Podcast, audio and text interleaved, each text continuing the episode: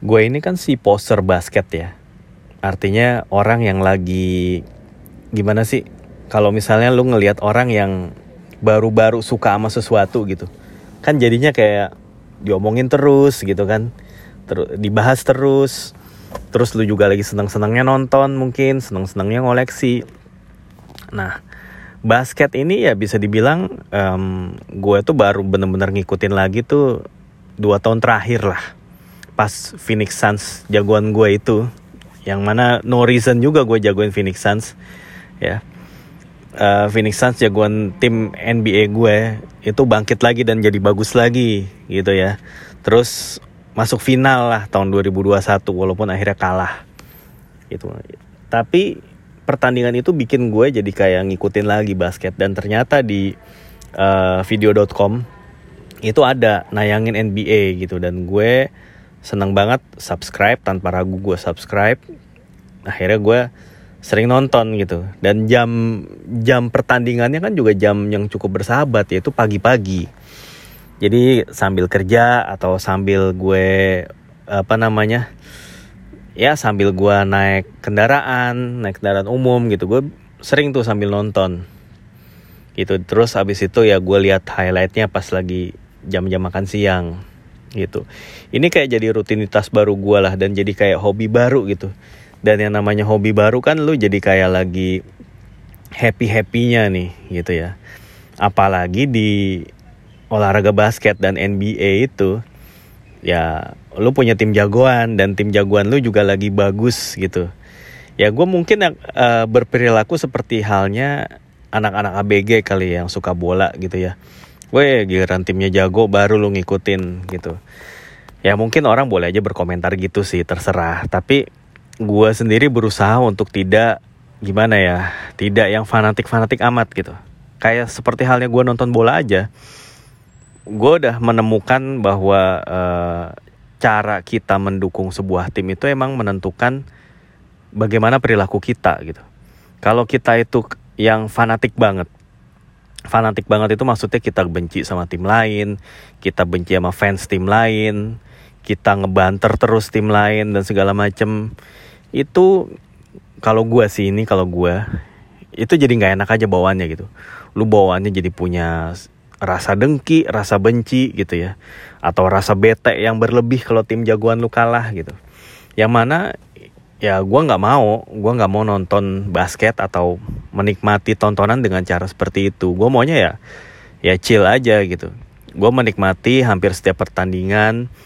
Terus gue tahu pemain-pemainnya gitu ya karena gue tuh kalau udah passionnya sama sesuatu, gue tuh bener-bener ngulitin abis gitu jadi dan gue juga nggak berfokus sama satu tim doang gitulah pokoknya intinya ya uh,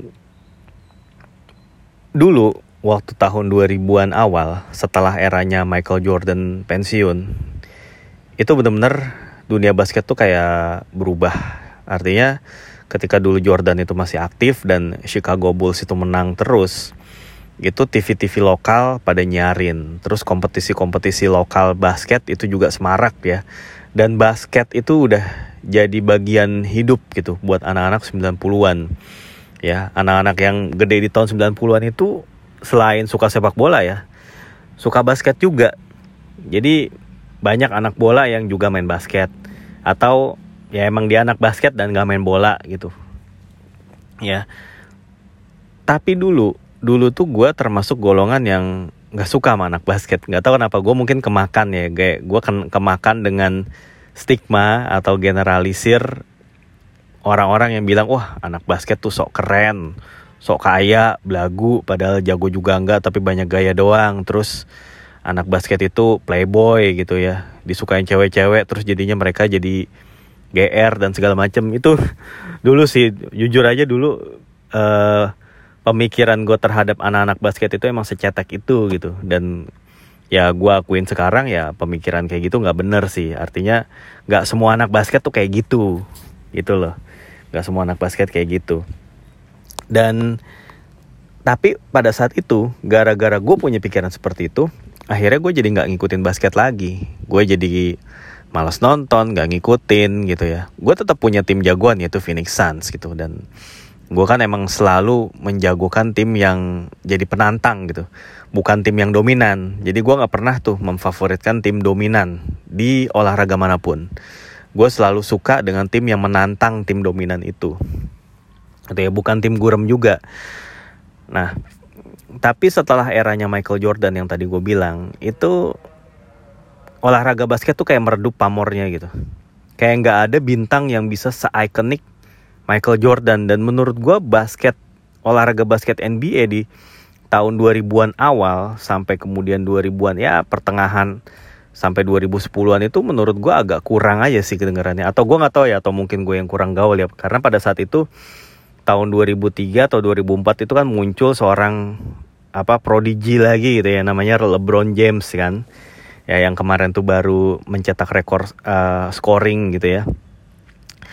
Ada LeBron James sebagai penerus Michael Jordan untuk kayak dalam tanda kutip menyelamatkan nih olahraga basket NBA gitu. Yang terus uh, menjadikan NBA itu tetap populer di dunia gitu. Habis itu emang muncul lagi kayak pemain seperti Steve Nash ya. Kebetulan Steve Nash juga mainnya di Phoenix Suns jagoan gue. Terus masih ada pemain kayak Carmelo Anthony gitu ya.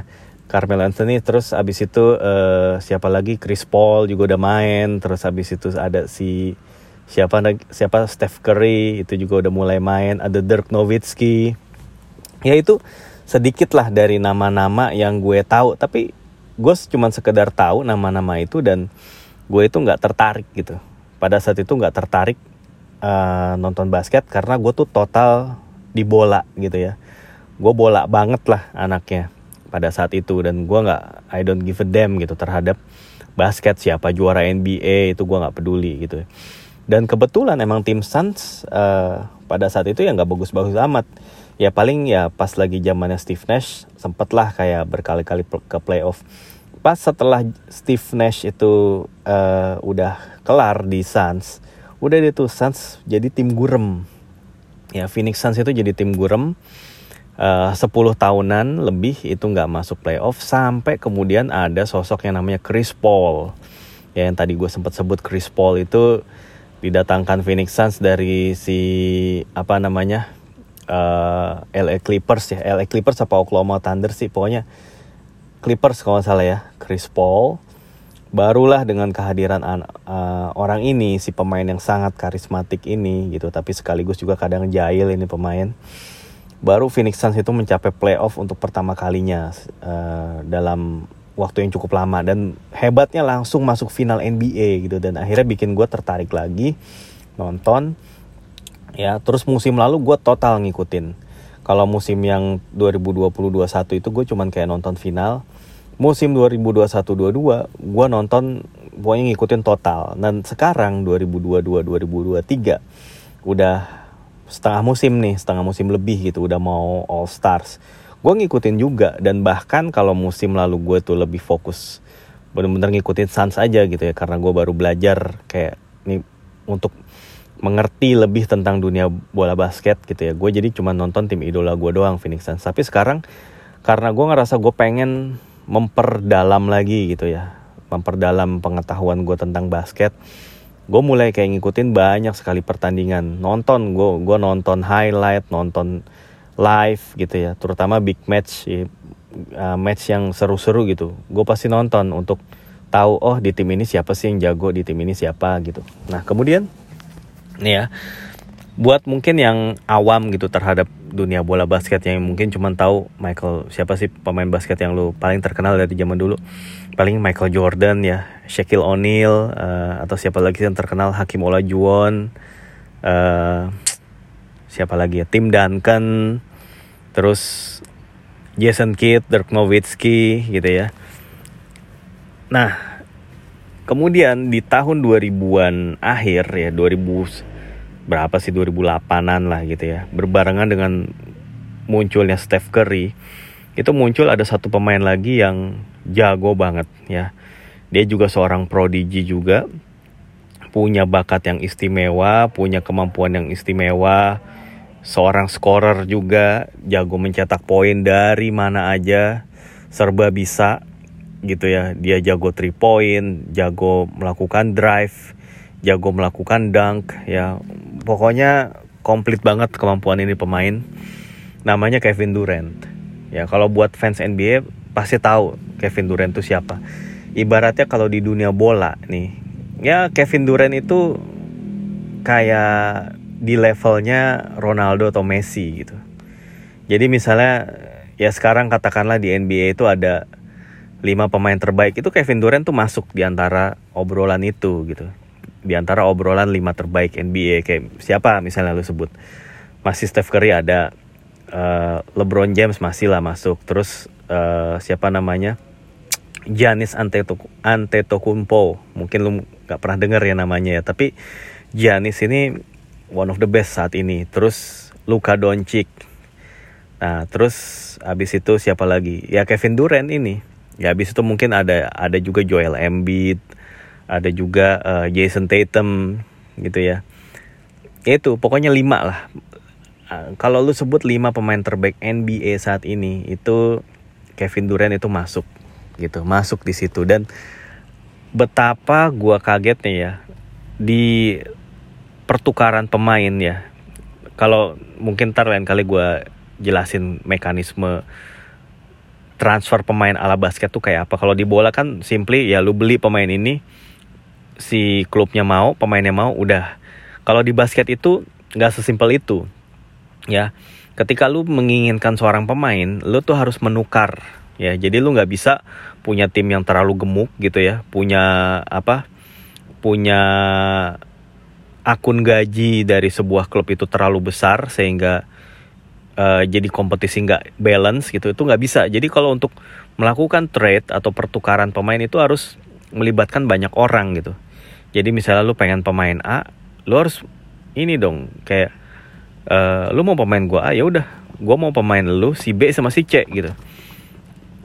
Nah itulah yang terjadi kepada Phoenix Suns. Jadi mereka itu emang dari off season ya istilahnya off season kalau basket kalau dari bola tuh istilahnya kalau pas musim udah kelar gitu ya pas lagi uh, libur kompetisi gitu ya itu sebenarnya nama Kevin Durant itu udah didengungkan nih emang bakal jadi pemain yang direkrut sama Phoenix Suns. Cuman hingga akhir off season hingga seasonnya itu mulai itu Kevin Durant itu masih tetap stay di timnya dia yaitu Brooklyn Nets gitu ya. Nah di Brooklyn Nets itu pada saat itu Kevin Durant itu menjadi duet mautnya si Kyrie Irving ya Kyrie Irving itu juga salah satu pemain jago juga tuh zaman sekarang gitu ya kalau Kevin Durant itu lima besar Kyrie Irving tuh kayak 10 besar lah pemain paling jago di NBA sekarang gitu. Dia masuk All Stars lah levelnya dia. Nah si Kyrie Irving ini beberapa hari lalu itu dia juga pindah ke Dallas Mavericks dan ternyata kepindahan si Kyrie Irving ke Dallas itu berpengaruh terhadap uh, sifat atau bukan sifat ya berpengaruh terhadap kenyamanan si Kevin Durant ini di dalam tim. Jadi kalau pemain bintang tuh gitu, kalau mereka tuh kecewa dengan uh, keputusan yang diambil oleh klubnya dia gitu ya yang akhirnya menjadikan timnya itu jadi nggak kompetitif gitu. Itu si pemain tuh kayak bisa minta pindah gitu. Udah enough enough. Gue nggak ada Kyrie Irving di sini mendingan pindahin ke tim pindahin gue ke tim yang uh, berpeluang juara gitu nah akhirnya di antara tim-tim yang ada itu ya Phoenix Suns rupanya paling siap gitu mereka itu pertama uh, mereka tuh punya aset ya pemain-pemain lain yang dengan setelah digabungkan gitu ya gaji-gaji mereka gitu itu ternyata bisa nge-match atau mas apa menyamai gaji dari Kevin Durant. For your info, gaji Kevin Durant ini juga salah satu yang tertinggi di NBA saat ini yaitu sekitar 43 juta dolar gitu. Ya gue kalau di pemain bola gaji segitu itu kayak gajinya Ronaldo waktu masih di uh, eh, MU gitu ya. Segituan gajinya atau Messi gitu ya atau si Kylian Mbappe segitu gajinya. Itu pokoknya ya menggambarkan bahwa dia ini emang pemain bintang kelas atas gitu. Ya apa ya umurnya Kevin Durant ini udah tua udah 34 tahun dan tahun ini bulan September tuh dia 35 tahun tapi uh, buat pemain basket ya terutama yang statusnya tuh bintang dan Hall of Famer ya atau calon legend usia segitu tuh mereka masih produktif main dan lu juga nggak bisa menyamakan begitu aja olahraga basket NBA dan juga liga sepak bola Eropa. Nah, kalau di basket itu pemain itu bisa loh, bisa main bahkan ketika dia cedera. Dia kayak jadi bisa oke oke deh, gue cuman gue bisa main tapi paling cuman bisa berapa menit gitu. Tapi pasti tetap bisa dimainin. Gitu. Karena kan olahraga basket itu lebih ya kalau dari sisi aturan pergantian pemain ya mereka itu kan lebih bebas artinya ketika pemain itu lu diganti itu ntar boleh masuk lagi gitu jadi dengan game seperti itu dengan maksudnya dengan peraturan seperti itu itu jadi kayak memudahkan memudahkan pemain itu untuk kayak bisa ngatur ininya dia ngatur ritme dia ngatur uh, kondisi fisik dia gitu yaudah deh gue main tapi sebentar aja gitu bisa gitu dan di NBA itu banyak banyak sekali pertandingan ya di kompetisi NBA. Jadi dalam satu season setiap tim itu bermain 82 kali. Hanya dalam waktu 7-8 bulan makanya nggak heran kadang-kadang satu tim itu main setiap hari. Terutama kayak misalnya pertandingan kandang nih. Mereka lagi uh, mereka lagi main di kandang terus nih kebagian main di kandang. Itu bisa hari ini, terus besok, terus abis itu lusanya lagi, baru itu main berturut-turut nggak kayak sepak bola yang tandingnya itu seminggu sekali atau tiga hari sekali itu pun pemain juga udah pada ngeluh gitu ya kalau pemain basket ya gue nggak ngerti juga sih gue masih kayak belum terlalu gimana banget ya sama olahraga ini sama industri olahraga ini ya namanya juga gue poser kan ya. Tapi ya yang gue tahu yang setelah gue ikutin selama dua tahun belakangan ini ya seperti itu. Lu main basket tuh bisa tiap hari. Gitu dan apa ya pelatih itu kayak bisa mainin lu uh, bener-bener sesuai dengan sikon, sesuai dengan pengamatan dia gitu. Jadi bisa aja lu nih si pemain basket nih uh, lu kayak cuman dimainin 5 menit gitu. Abis itu lu udah nggak main lagi gitu. Atau lu dimaininnya cuman di quarter terakhir gitu. Ya udah habis itu. Macam-macam role-nya gitu. Nggak kayak kalau di bola ya ketika lu main cuma sebentar ya lu nyaris sul, apa namanya nggak nyaris tidak mungkin atau sulit lah untuk memberikan impact. Nah sementara olahraga basket yang emang uh, seconds itu sangat berharga gitu ya dan itu kan olahraganya olahraga yang menggunakan waktu bersih. Waktu bersih itu artinya ada stopwatch nih. Ketika misalnya bola keluar itu waktunya tuh berhenti Gak kayak kalau sepak bola, kalau di sepak bola kan ketika bola keluar atau ada pemain cedera yang membuat pertandingan terhenti itu waktu terus berjalan. Nanti tinggal kemudian uh, asisten wasit atau wasit kedua ya fourth official itu memberikan input kepada wasit utama. Oh ini nih tadi waktu yang kebuang nih 5 menit ya udah uh, pertambahan waktunya 5 menit gitu. Ya kayak gitu kalau bola. Kalau basket itu enggak jadi ketika ada bola keluar berhenti, ada foul berhenti, ada time out berhenti. Nah dan juga olahraga basket itu ada time out gitu. Jadi ketika lu capek gitu ya atau ketika lu itu udah mulai kesulitan sama menghadapin lawan lu, lu bisa time out dulu, lu break dulu. Itulah gue rasa menurut gue yang bikin pemain basket itu bisa main sampai tiap hari gitu, nggak kayak pemain bola itulah. Ya. Balik lagi ke Kevin Durant ya uh, kenapa gue bisa kayak senang banget dengan Kevin Durant ya ya karena pada akhirnya gue nih sebagai fansnya Phoenix Suns akhirnya menyaksikan gitu Phoenix Suns itu punya super team artinya punya tim yang diisi banyak pemain bintang sekarang Suns itu udah diperkuat Devin Booker, Chris Paul dan juga si uh, DeAndre Ayton ya yang bisa masuk dalam kategori bintang. Ditambah Kevin Durant wah itu jadi kayak empat. Empat dari lima pemain starter dari Phoenix Suns itu adalah bintang.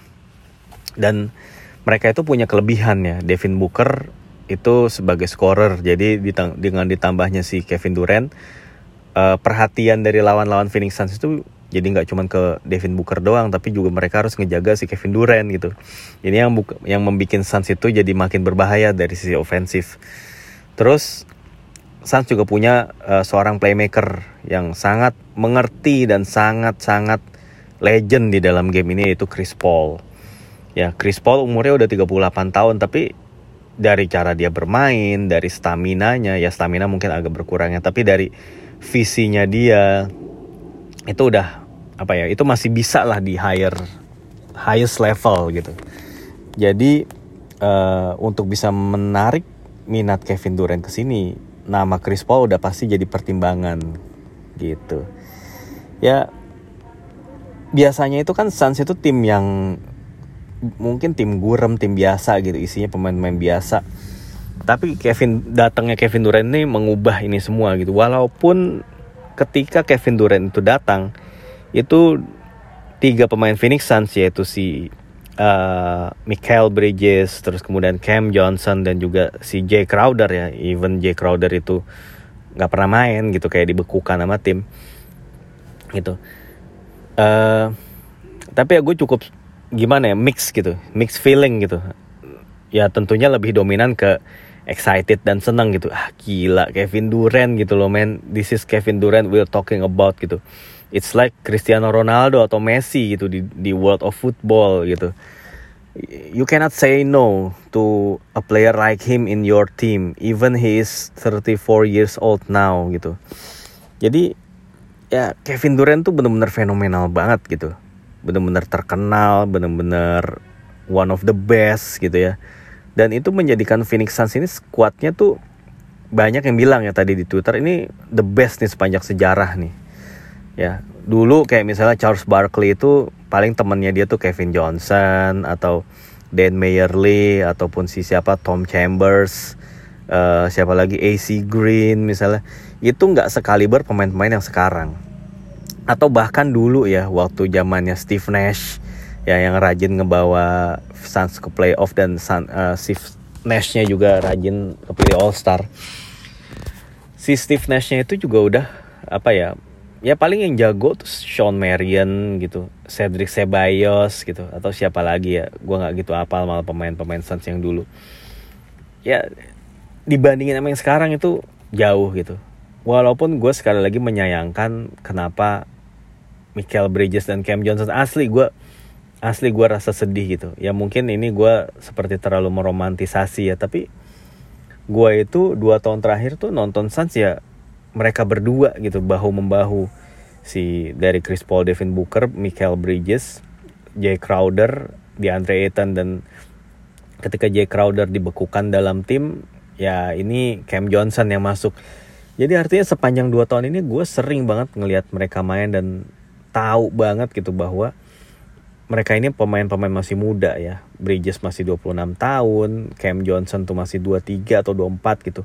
Dan punya potensial punya potensi yang sangat tinggi gitu.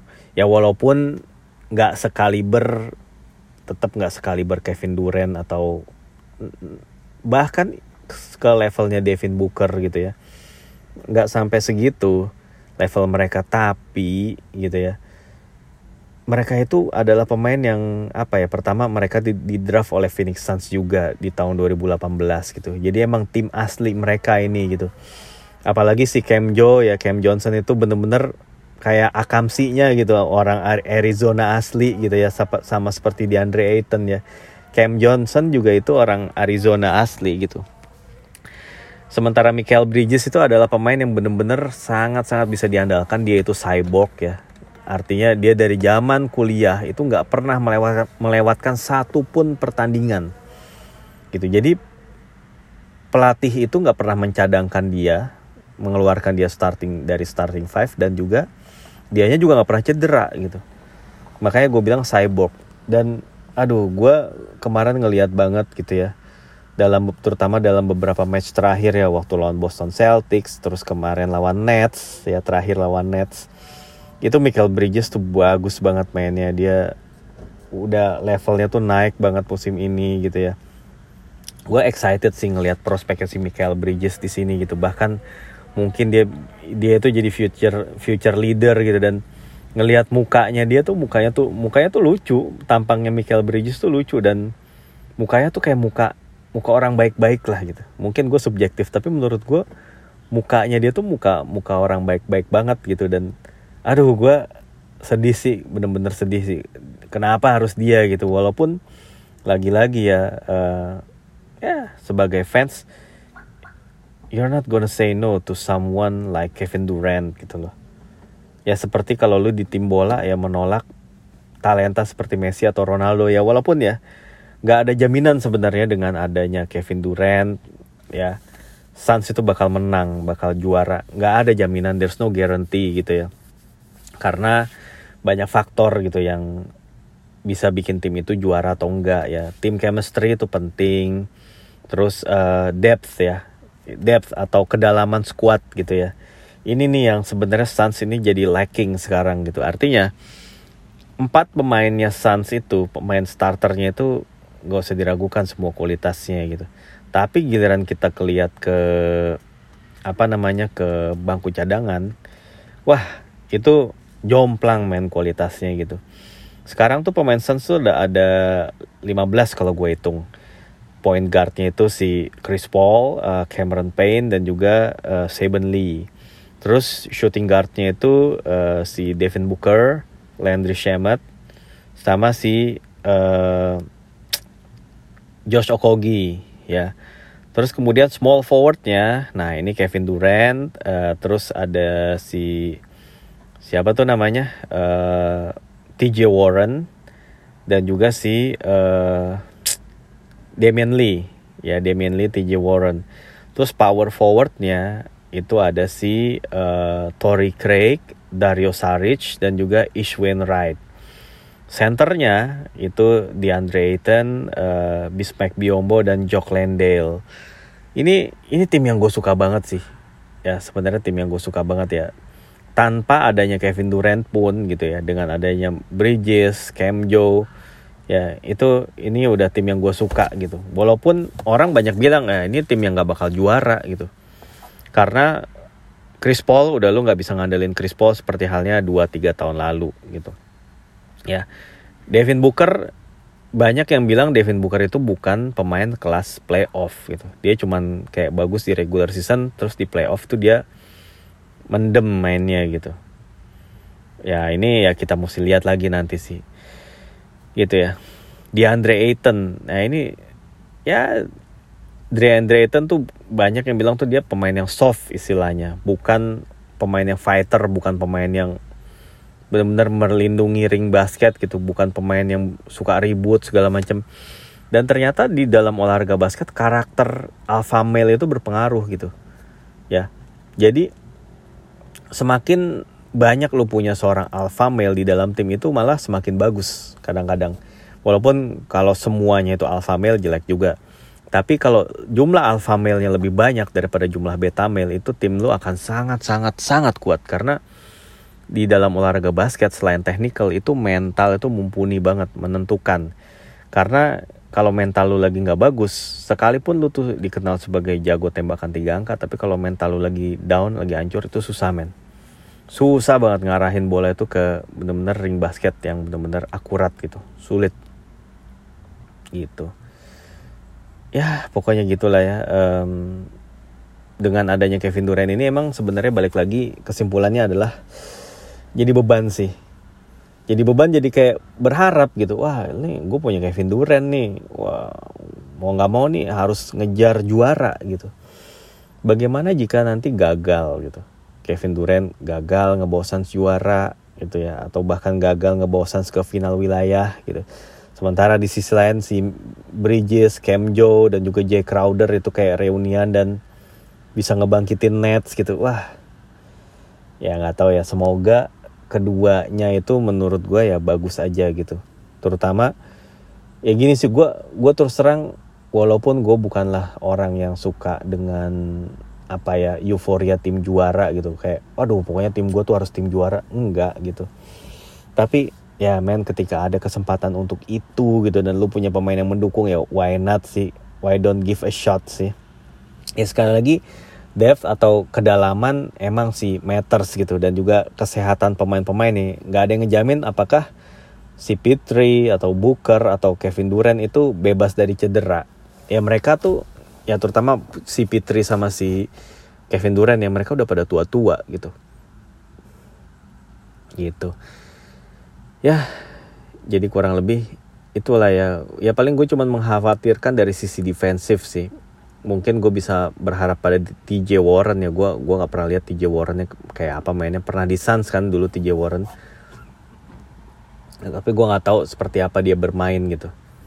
Dan ya pastinya PR banget di sisi defense dan juga di kedalaman ya uh, ketika salah satu dari trio ini cedera itu kayak hilang soliditasnya gitu. Jadi kita berharap aja kuartet ini gitu ya, kuartet ini tuh masuk terus main terus sampai akhir musim sampai benar-benar playoff maju sejauh mungkin dan siapa tahu gue bisa ikut senang ketika Chris Paul itu akhirnya dapat cincin juara gitu.